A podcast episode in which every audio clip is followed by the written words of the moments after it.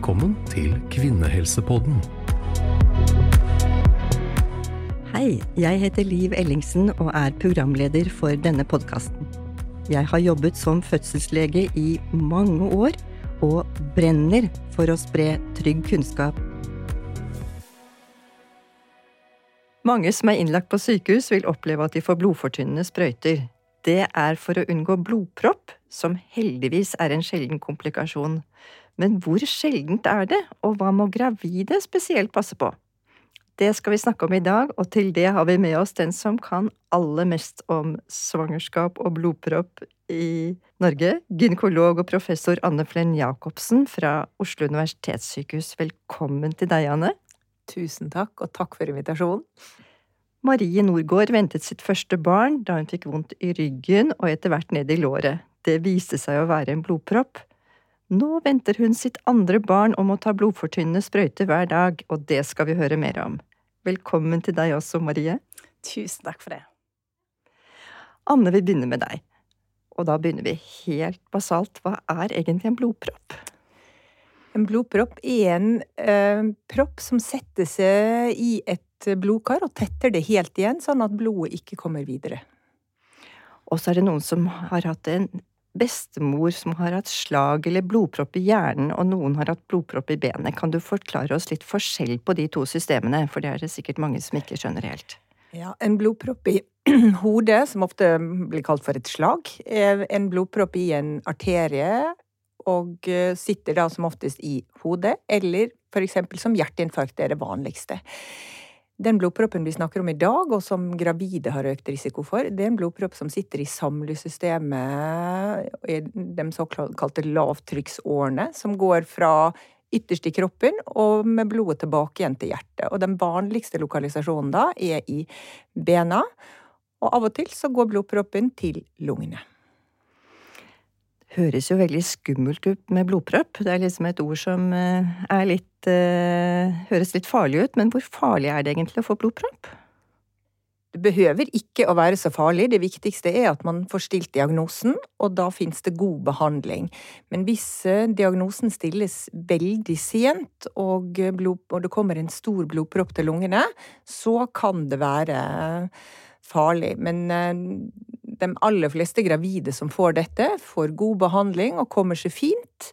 Men det er noen få, hvert, igjen hvert tredje år cirka, som faktisk dør av dette. Så det er viktig å vite hva man skal se etter, og hvordan man eh, diagnostiserer det og behandler det. Og det er derfor vi også ønsker å snakke om det, sånn at man skal vite om dette. For vi skal jo snakke om gravide. Og er det sånn at gravide har lettere for å få blodpropp enn andre? Ja, gravide har faktisk en fem til ti ganger økt risiko for blodpropp i forhold til eh, hvis du ikke er gravid. Det høres jo veldig mye ut.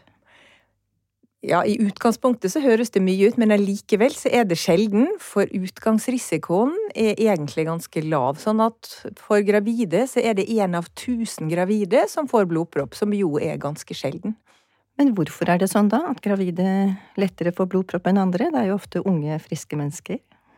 Ja, det er Svangerskapet er sånn innretta at uh, levringssystemet i kroppen aktiveres, og det er jo egentlig ganske smart med tanke på at det kommer en stor blødning når morkaka løsner fra livmorbeggen. Sånn at dette er jo veldig ja, mm. det er veldig hensiktsmessig innretta. Men hos noen da som har litt eh, økt disposisjon, eller som utvikler risikofaktorer i svangerskapet, så kan det da ende opp med en, eh, en blodpropp. Og når i svangerskapet er det man eh, er mest utsatt for det? Hvilken del er det? Er det tidlig, er det sent? Ja, det er sånn at 50% av blodproppene kommer faktisk etter fødsel, altså i løpet av de første seks ukene etter fødsel. Da er jo ofte mor veldig opptatt av barnet og av amming og helt andre ting. Og de andre 50% kommer i svangerskapet, og med en økende forekomst utover i svangerskapet. Så vanligst i svangerskapet er liksom siste delen, men man kan også få det i første delen av svangerskapet. Ja. Så sa du noe om de som har økt risiko. Kan du si litt mer om det er noen som må spesielt være på vakt? Ja, det viktigste er at dem som har hatt en blodpropp tidligere allerede, altså en blodpropp enten i ben eller i lunger primært, da, eh, dem har den høyeste risikoen for å få blodpropp igjen. Så er det jo noen som har eh, flere i familien som har hatt blodpropp, og da snakker vi om såkalt førstegradsslektning, altså mor, far, søster eller bror. Og, og da gjelder det ikke denne hjerneblodproppen som vi snakket om? Helt riktig. Nei, det er også fortsatt blodpropp stort sett i ben eller i lunger. Så hvis noen i nær familie har hatt det i litt ung alder, altså fortrinnsvis før fylte 50, så kan det være en økt eh, risiko. Og så har man noen disponerende, altså arvelige faktorer som også disponerer, og noen faktorer som kan dukke opp underveis. Så er det noen som har hørt at man kan ta en blodprøve for å sjekke om man har noe økt risiko. Kan du si noe om det fins noe man kan eh, undersøke den veien?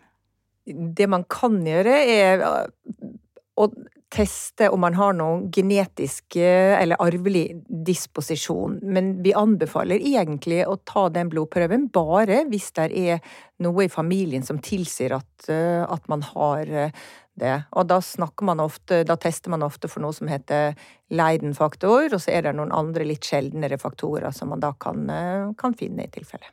Ja, så det kan jo være at noen har sjekket seg for dette med Leiden-faktor, for det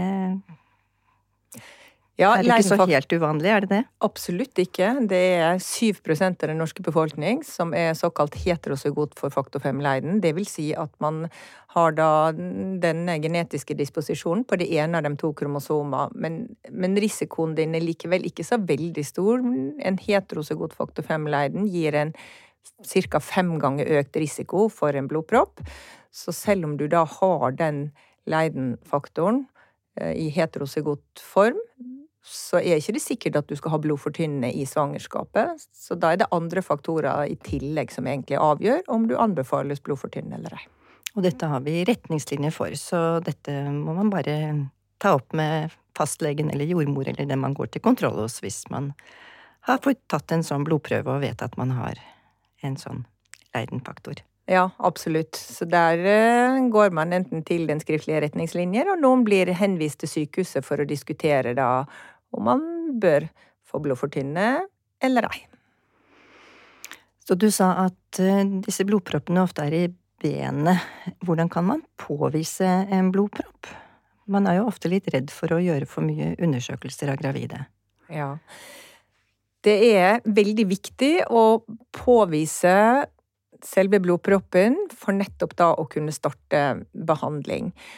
Og ved en mistanke om blodpropp i benet, så gjør man den undersøkelsen med ultralyd, som er helt ufarlig undersøkelse for både mor og for fosteret. Så den er helt, helt uh, ufarlig, og så den anbefales veldig sterkt at man gjør hvis man har mistanke om at det kan være en blodpropp. Og mistanke om blodpropp, hva tenker du på da? For hvilke symptomer kan man da vente seg? Ja, de symptomene som eh, blodpropp i benet har under svangerskapet, er jo litt annerledes enn utenom svangerskapet. I svangerskapet så har man ofte symptomer i eh, lave gjensidige magesmerter eller ryggsmerter som stråler litt ned i benet, og etter hvert så får man en hevelse i benet eller i, eh, rundt låret, egentlig.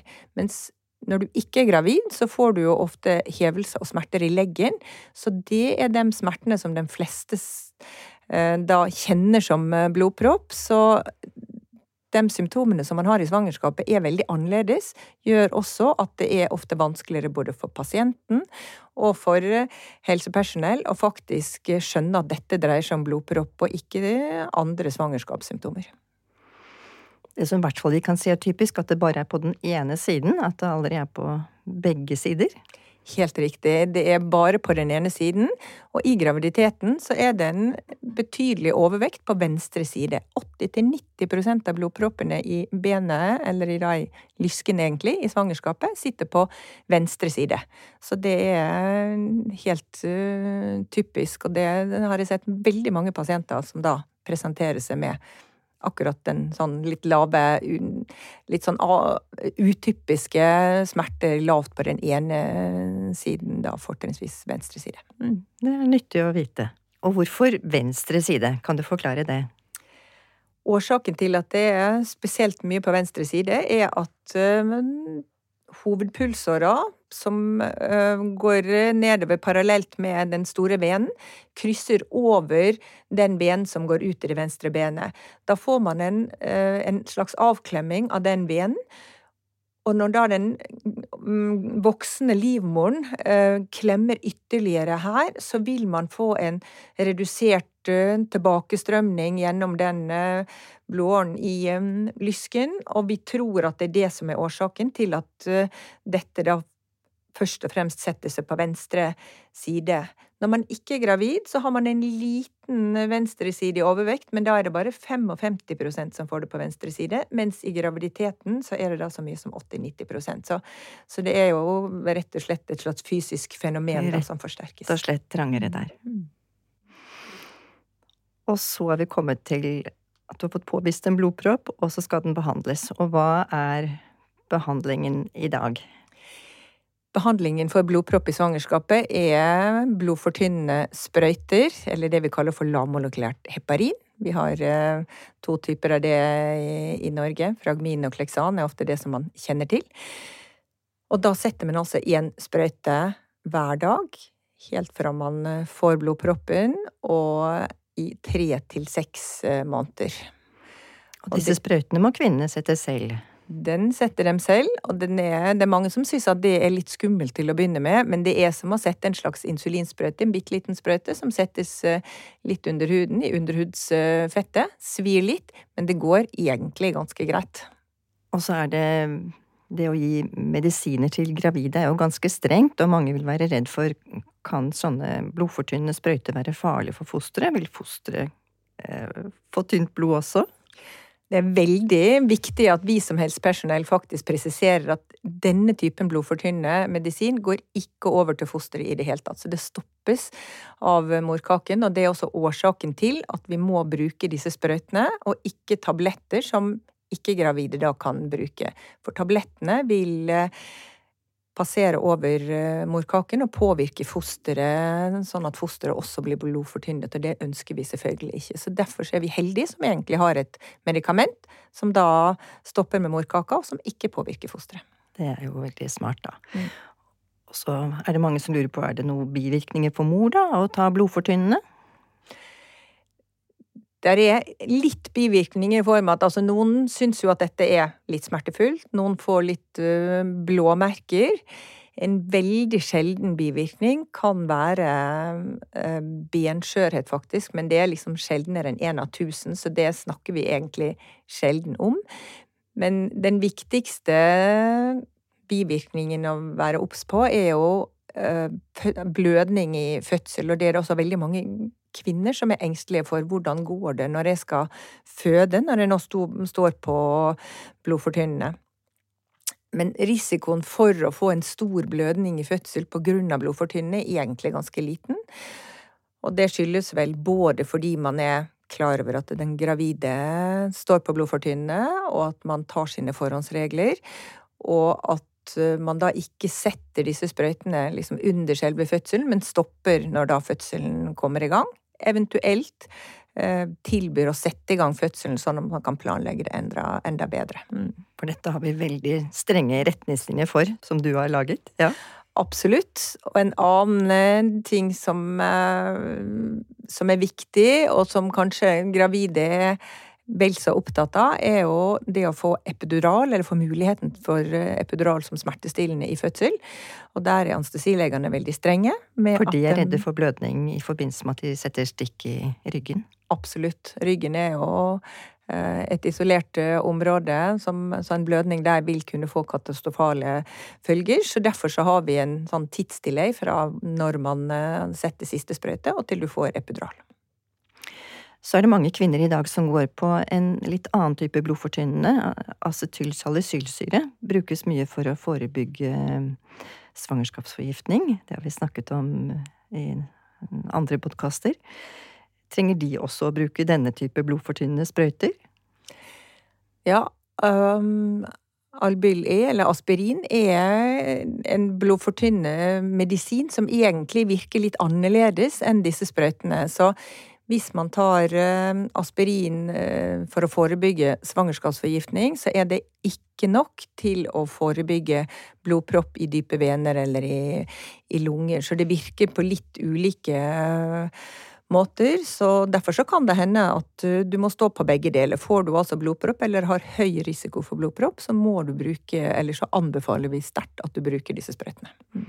Og det er ikke farlig å bruke begge, begge typene? Nei både sprøyter og disse tablettene? Man kan godt bruke begge deler. Det vi da anbefaler, er at man bruker disse tablettene frem til uke 36, stopper i uke 36, fordi det, den blodfortynnende effekten, eller den additive effekten av begge to, kan mm, jo føre til at det blør litt ekstra i forbindelse med fødsel, men dette klarer vi stort sett å styre veldig godt. Så snakket vi om vanlig fødsel, men hva med keisersnitt? Det er jo en ganske stor operasjon? Ja, keisersnitt er en stor operasjon, men nettopp fordi vi eh, ofte timer det. Har du et planlagt keisersnitt, så timer vi det sånn at siste dosen med da blodfortynnende settes fortrinnsvis ca. 24 timer før. Noen får jo mm, keisersnitt eh, akutt i forbindelse med fødselen, og da kan det jo være at man eh, at det er en litt kortere tid fra man satt siste sprøyte, men det er veldig sjelden at det er noe at det er noe problem med stor eh, blødning ved keisersnitt. Så dette klarer vi stort sett også å korrigere, eller klarer vi å håndtere veldig fint. Så jeg tror aldri jeg har opplevd at en kvinne som sto på blodfortynnende, har mm, blødd veldig, veldig mye fordi, på grunn av den blodfortynnende. Da er det ofte andre ting som gjør at det faktisk blør. Men så er det faktisk sånn også at alle som får keisersnitt, stort sett i Norge, de får blodfortynnende sprøyter etter fødsel. Det er riktig. Vi gir alle kvinner med keisersnitt blodfortynnende i tre dager eh, eller mer. Dem som har et vanlig planlagt keisersnitt eh, uten noen tilleggsrisikofaktorer, har en ikke så veldig høy risiko. De som har et akutt keisersnitt, har ofte en litt høyere risiko, så derfor så gir vi dem blodfortynnende sprøyter i noen dager for å forebygge blodpropp. Og så er det også noen andre grupper som eh, også kan eh, risikere å få blodfortynnende sprøyter etter fødsel. Ja, det er altså kvinner som for eksempel da har en, en tung familiehistorie, eller som har disse genetiske faktorene eh, og har høy risiko, får ofte blodfortynnende etter fødsel i seks uker. Så da setter vi en såkalt forebyggende dose i eh, seks uker etter fødsel, fordi at da har man den høyeste risikoen for å få eh, blodpropp. Så lurer kanskje mange på um, Man har hatt en blodpropp og fått behandling. Kan det være noen ettervirkninger etter å ha hatt en blodpropp? De fleste blir egentlig helt uh, friske og har det helt bra etterpå, men vi vet at det er noen som får noe plager, spesielt da i bena etterpå, sånn at man kan få enten det, altså det man kaller for posttrombotisk syndrom, som er da litt tyngdefornemmelse, man kan få litt åreknuter, litt misfarving. Eh, og hevelse i benet. Det gjelder et fåtall, men det er, er faktisk noen som, som, får det, og det er spesielt av at denne blodproppen hos gravide da sitter uh, høyt oppe og er litt mer komplisert enn en leggvenenblodpropp som, som de aller fleste ikke-gravide får. Nå skal vi snart gå over til Marie, men før vi gjør det, du har forsket mye på dette, Anne, og har eh, doktorgrad nettopp om blodpropp hos gravide. Kan du si litt om hva du har funnet ved forskningen din? Ja, eh, vi så jo egentlig på forekomst av blodpropp eh, hos gravide i Norge, og det vi fant var at én av tusen gravide i Norge fikk blodpropp, i hvert fall i den perioden vi undersøkte det. I tillegg så så vi litt på um, hvilke symptomer de hadde, og hvor lang tid det tok fra symptomene dukket opp til diagnosen ble stilt, og der så vi at det var gjennomsnittlig nesten 14 dager fra det første symptomet kom og til diagnosen ble stilt, nettopp fordi at dette er litt ukjente symptomer, både for pasient og for, for lege. Så så vi litt på, på behandling, og i tillegg så har vi også Eh, gjort noen studier på sen, senkomplikasjoner, og noen på sånne type genetiske mm, faktorer. For dette er faktisk et felt som har vært lite oppmerksomhet og vært lite forsket på før dere tok tak i det? Ja, det fantes lite data i Norge før vi eh, begynte å se på det, og det fins egentlig forholdsvis lite studier og data internasjonalt eh, også, men det gjøres heldigvis eh, noen studier fortløpende, og nå slår vi oss ofte sammen flere land og gjør store studier hvor vi da prøver å se på også behandling og forebygging og hva som kan være riktig, både dosering og andre ting. Og dette er jo veldig viktig. Men nå har vi snakket mye teori, og skal vi over til deg, Marie. Du var gravid med ditt første barn. Kan du fortelle hva som skjedde i svangerskapet ditt? Ja, eh, jeg hadde egentlig et veldig bra svangerskap. Eh, koste meg med å være gravid og hadde veldig lite plager. Eh, men så når jeg bikka rundt sånn 30, uke 32, tror jeg, 32-33, så begynte jeg å få Eh, en del ja, med vondt i ryggen. Eh, litt sånn korsryggen. Eh, og nedover mot bein etter hvert. Da, det er jo ikke så uvanlig at gravide har vondt i korsryggen? Nei, det er akkurat det. Og det er jo det jeg hadde, jeg hadde ikke hatt noen bekkenløsning før, så jeg tenkte jo at det er sikkert noe sånt. Jeg må ta det litt med ro og prøve å bevege meg litt, men, men ta det litt mer, ja, begrense det litt, da. Eh, så det var egentlig det jeg gjorde, prøvde bare å leve med det i starten. Eh, jeg tenkte ikke så mye mer over det. Eh, men så ble jeg liksom stivere og stivere, og det ble mer og mer lår, eller litt sånn følte ved hofta. Ja. Hvilket ben var det du hadde? Dette var venstrebeinet. Det var venstre ben. Ja. Um, og så gikk det vel ja, halvannen, kanskje to uker da, før jeg oppsøkte lege. For da begynte det å bli sånn at nå må jeg nok sykemeldes litt. Det her det blir slitsomt å gå på jobb sånn. Det økte på? Ja. Eh, det ble litt stivt, egentlig. Så jeg gikk halta litt og ja, var litt stiv i beinet. Eh, og da var legen Noe av det første hun gjorde, var å måle leggene mine. Ja. Og da fortalte hun det at dette gjør jeg for å sjekke eh, Eller utelukke da, om det kan være blodpropp. Så hun tenkte på det? Hun tenkte på det. Eh, men så viste det seg at de leggene var helt like, så det, så det på en måte, vi gikk ikke noe videre med det. Eh, men jeg fikk sykemelding. Jeg ble sykemeldt 70% og skulle jobbe 30 da.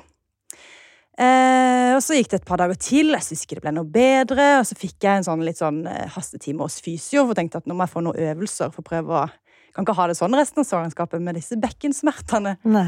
Eh, og da, og da synes jeg sa han noe interessant også, for da drev han og prøvde liksom å kna litt og sånn, og at det her er jo ikke noe Eh, det har ikke noe med ledd å gjøre. For når du har vondt, eller du har ikke vondt når det er typiske sånn bekkenleddsmerter, da. Eh, det må være noe muskulært. Eh, og da fikk han liksom knadd litt opp, og satt nok litt i gang blod, blodomløpet, da, tenker ja. jeg. Fordi på den, den, samme kvelden så plutselig oppdaga at det ene låret, altså venstre låret, var mye større enn det høyre. Så det kunne du se, rett og slett? Da kunne jeg se det. Eh, veldig enkelt. Um, og da, da, tenkte jeg jo på det fastlegen hadde sagt, da. At her, eh, hvis det er forskjell på beina, så kan det være blodpropp. Du var litt prima på det. Mm. Så eh, da var det Da dro jeg på legevakta. Eh, og fikk jo egentlig Jeg tror jeg ble, fikk vel en blodfortynnende sprøyte da. Eh, bare fordi de de, de, kunne jo ikke se noe der, men jeg fikk liksom blodfortynnende sånn i tilfelle. Og så ble jeg, fikk jeg ja, beskjed om å møte opp på akutten på Ullevål sykehus dagen etter. Ja.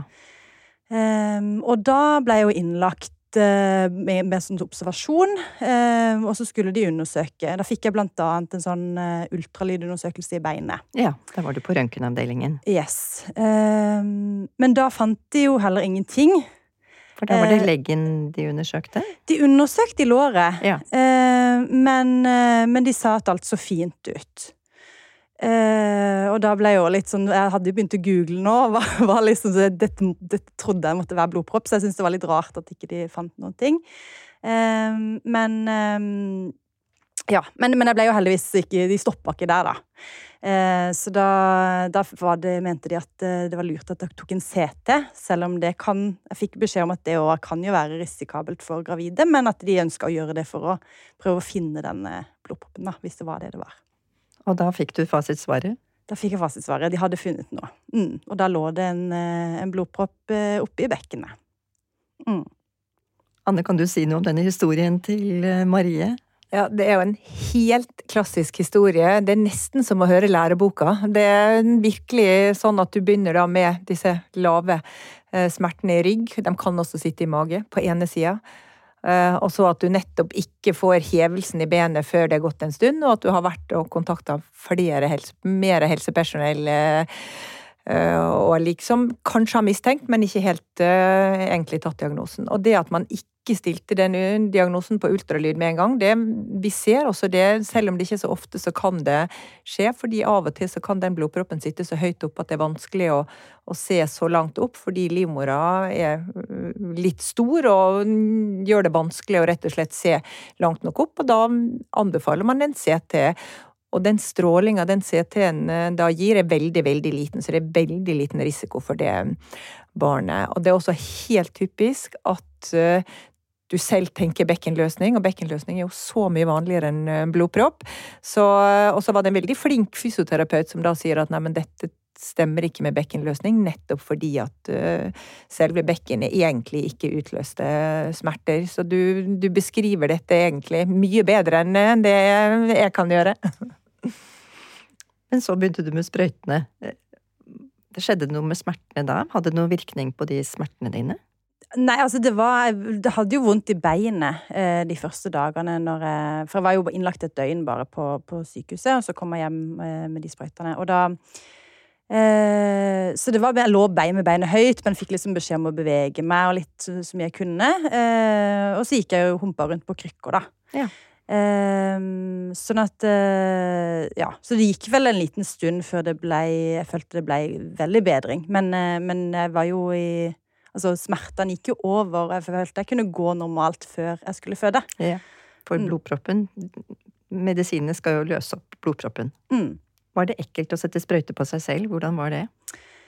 Um, ja, jeg fikk jo opplæring på sykehuset, um, og da, da, var det liksom først å prøve å stikke på, på en appelsin. Um, og så uh, Og jeg har sjøl egentlig vært litt sånn fascinert av sånt. Jeg syns det virker Jeg har hatt en liten sånn sykepleierlegedrøm i magen en gang. Så, så, egentlig så var det litt sånn gøy og eksotisk i starten. Men det var litt det, mer det at det var Det føltes litt rart å sette i magen. Ja. Når du har en baby inni der. Um, og at det er litt sånn, det er ikke alle steder hvor du har like tjukk hud heller. Så det ble tatt, satt mye i låret i starten. Um, og først så, gikk det, så gjorde det ikke så, så, kjempevondt heller. Det gikk veldig fint og var ganske mykt. Men etter hvert eh, så kjenner jeg at, så jeg merka at det blir liksom mer sånn Sikkert litt med arrvev og sånn, da, at det blir litt hardere. Eh, så man må leite litt mer etter å finne passende steder å sette som ikke gjør så vondt. For du må få mer blodfortynnende stoff enn de som bare får det forebyggende. Da, ja, for da setter jeg jo to sprøyter til dagen. Mm. Setter en på morgenen og en på kvelden. En ganske stor dose. Ja. Mm. Så, um, så, man ble, ble jo liksom Merka jo at det var etter hvert var det ganske Det kunne det gjøre ganske vondt, da. Um, så, men, men altså, det, det, er jo verdt det. Så det, det går, gikk jo helt fint. Men, um, men det var Ja. Så, så, det var litt sånn opp og ned åssen det gikk. Og, og Anne beskrev jo stadig med, med blåmerker og sånn, og det, det, kjente jeg jo på. Av og til traff meg kanskje et, uh, en liten uh, kapillær, og så ble det noe Ja, så, så blødde det. Uh, ganske mye. eller ikke sånn kjempemye, men at det ble blod, da. At jeg måtte sette på et plaster. Så det hendte, det også. Men, men ikke noe sånn, jeg vil ikke si at det er veldig dramatisk. Det, det går helt fint. Dette var jo noen uker før fødselen, men så nærmet det seg fødsel. Hvordan uh, tenkte du om fødselen? Um, jo, jeg, hadde, jeg, fikk jo oppfølging da jeg var hos uh, Anne og fikk, um, hadde en time før, uh, før, fødsel. Og der fikk jeg jo liksom beskjed om det, blant annet det med epidural, som hun nevnte i stad. nå hadde jeg egentlig ikke tenkt å føde med epidural. Jeg hadde litt sånn egentlig lyst til å føde i badekar. men det var jo også utelukka. Sånn at ehm, Ja. Så, så, men så var det òg det å snakke om det med at man kan eh, sette i gang eller planlegge eh, så lenge man går til termin. Men mitt vann gikk eh, åtte dager før termin. du var heldig, da. Ja da, det var jo sånn sett uh, Som ja. kom i gang av deg selv? Ja da, absolutt. Men, uh, men det var jo litt, uh, litt, sjokk, og litt sånn Da hadde jeg jo også nettopp tatt en ja, sprøyte. For da hadde du ikke muligheten til å time disse sprøytene, sånn som vi ellers lager opplegg for? Nei, for det var jo det som, som, ble sagt, at da kan man jo Hvis man merker at det er noe murring eller noe er i gang, så kan man jo droppe å ta en sprøyte. Men da, da, ja, da, hadde jeg nettopp tatt det, og måtte da egentlig vente 24 timer før jeg kunne få epidural. Og da, da, da tenkte jeg liksom på det at det var litt eh, Det var litt kjedelig når, først, når Rian først var i gang, at jeg ikke fikk noe annet enn en da sånn naturlige ting som ikke påvirka det. Mm. Men det gikk bra, og du fødte fint? Ja da, altså det gikk jo eh, Det tok sin tid og sånn, og jeg fikk jo testa veldig mye på denne menyen av smertelindring. Så både akupunktur og tensapparat og sånne sterilvannspapler fikk jeg prøve. Eh, med litt sånn varierende, men det var i hvert fall fint at det gikk an å få noe. Um, og så endte det vel med Ja, det endte med at han sto litt lenge i fødekanalen og sleit litt med å komme ordentlig ned. Så det ble til slutt klippet og fikk sugekopp, da. Um, men da, og da fikk jeg sånn Puddendal-bedøvelse. Det kunne du få. Ja. Ble det noe blødning etterpå? Nei, ikke noe, noe mer enn det som var normalt. Fikk du noe mer oppfølging eller kontroller etter fødselen din? Ja, eh, de var jo Jeg ble jo, de, ja, jeg ble jo sett på som en, som en, pasient i starten. Så første døgnet så var det liksom både meg og babyen var pasient på barsel, og så før vi fikk lov til å gå over på barselhotellet. Um, og det var jo også for å undersøke det med, eller observere det med blødning hos meg. Uh, og så var det var inne til hematologisk uh, avdeling ganske kjapt. Tror ca. to uker etter fødselen. Ja. De som er spesialister på, på blodpropp i Ja. blodbanene. Ja. Så da undersøkte de vel blodet mitt, og, og som det var nå egentlig hadde noen disposisjon for det. Og fant de noen disposisjon? Eh, nei, de gjorde ikke det. Så de trodde rett og slett var, var svangerskapet som var utløsende. At det sånn sett var tilfeldig? Mm. Fikk du noe råd om eh, prevensjon? Var det noe spesielt du måtte ta hensyn til? Ja. Eh, der eh, hadde, fikk jeg jo ikke gå på vanlige p-piller. Eh, så da var det enten eh, ja, hormonspiral eller vanlig spiral, eller minipiller jeg kunne ta, da. Så det mm, Ja. Og jeg hadde jo gått på vanlige p-piller før det. Så det var jo også litt rart at jeg syns at eh, Da hadde jeg jo hørt om at det var en risiko da jeg begynte på de p-pillene. Sånn at Med blodpropp. Men det fikk Ja, men, men det gikk jo bra. Da fikk, skjedde det jo ingenting. Så det skjedde jo ikke noe før jeg var, var gravid sjøl, da. Mm. Og nå er du gravid igjen. Ja. Får du noe spesiell oppfølging i svangerskapet nå? Eh, ja, jeg har eh, Nå må jeg gå på, eh, på sånn forebyggende fragmin, da. Så det har en mindre dose, en sprøyte om dagen. Eh, og må gå på det gjennom hele svangerskapet og etter fødsel. Og så har jeg også vært inne til kontroll. Igjen hos Anne, så det, det er fint. Så du får litt ekstra oppfølging eh, Ja. på grunn av det? Ja, men, eh, men mer sånn for å få informasjon om hvordan hva, hva som kan være risikoen denne gangen, og eh, hva en skal tenke på i forbindelse med fødsel. Når du hørte Anne snakke mye, har du noe å spørre Anne om etter eh, alt det hun har fortalt? Er det noe du vil kommentere? Jeg har egentlig, jeg føler jeg har fått veldig mye informasjon, og jeg fikk veldig mye på informasjon når vi hadde den kontrollen og i andre svangerskap også. Så eh, jeg føler egentlig at jeg har eh, ganske god oversikt nå. Mm -hmm. Syns at det er blitt eh, Det er fint å få lære mer om, om egen diagnose, da.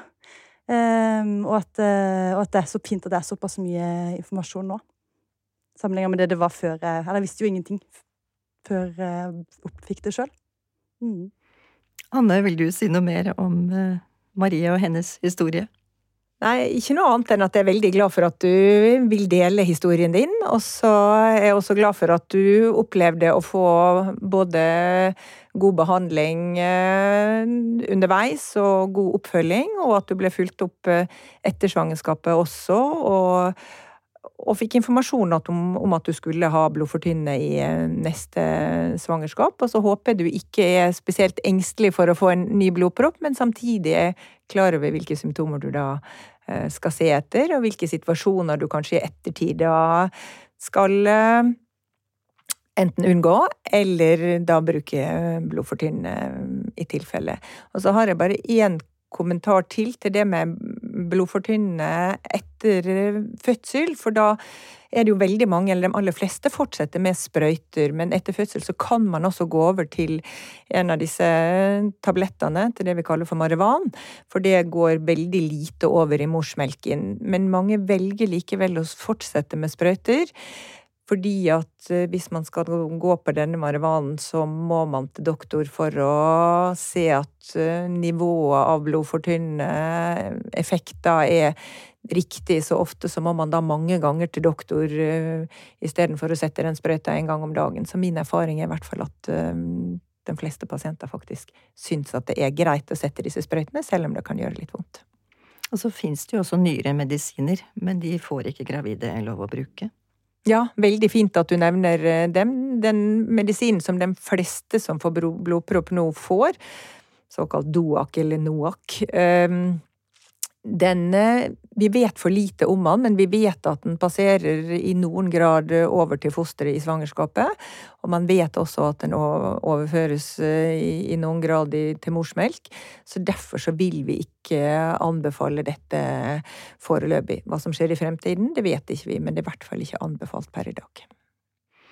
Så da tror jeg vi er kommet til veis ende. Tusen takk til dere, Anne og Marie, for at dere har lært oss så mye om et sjeldent, men veldig viktig tema.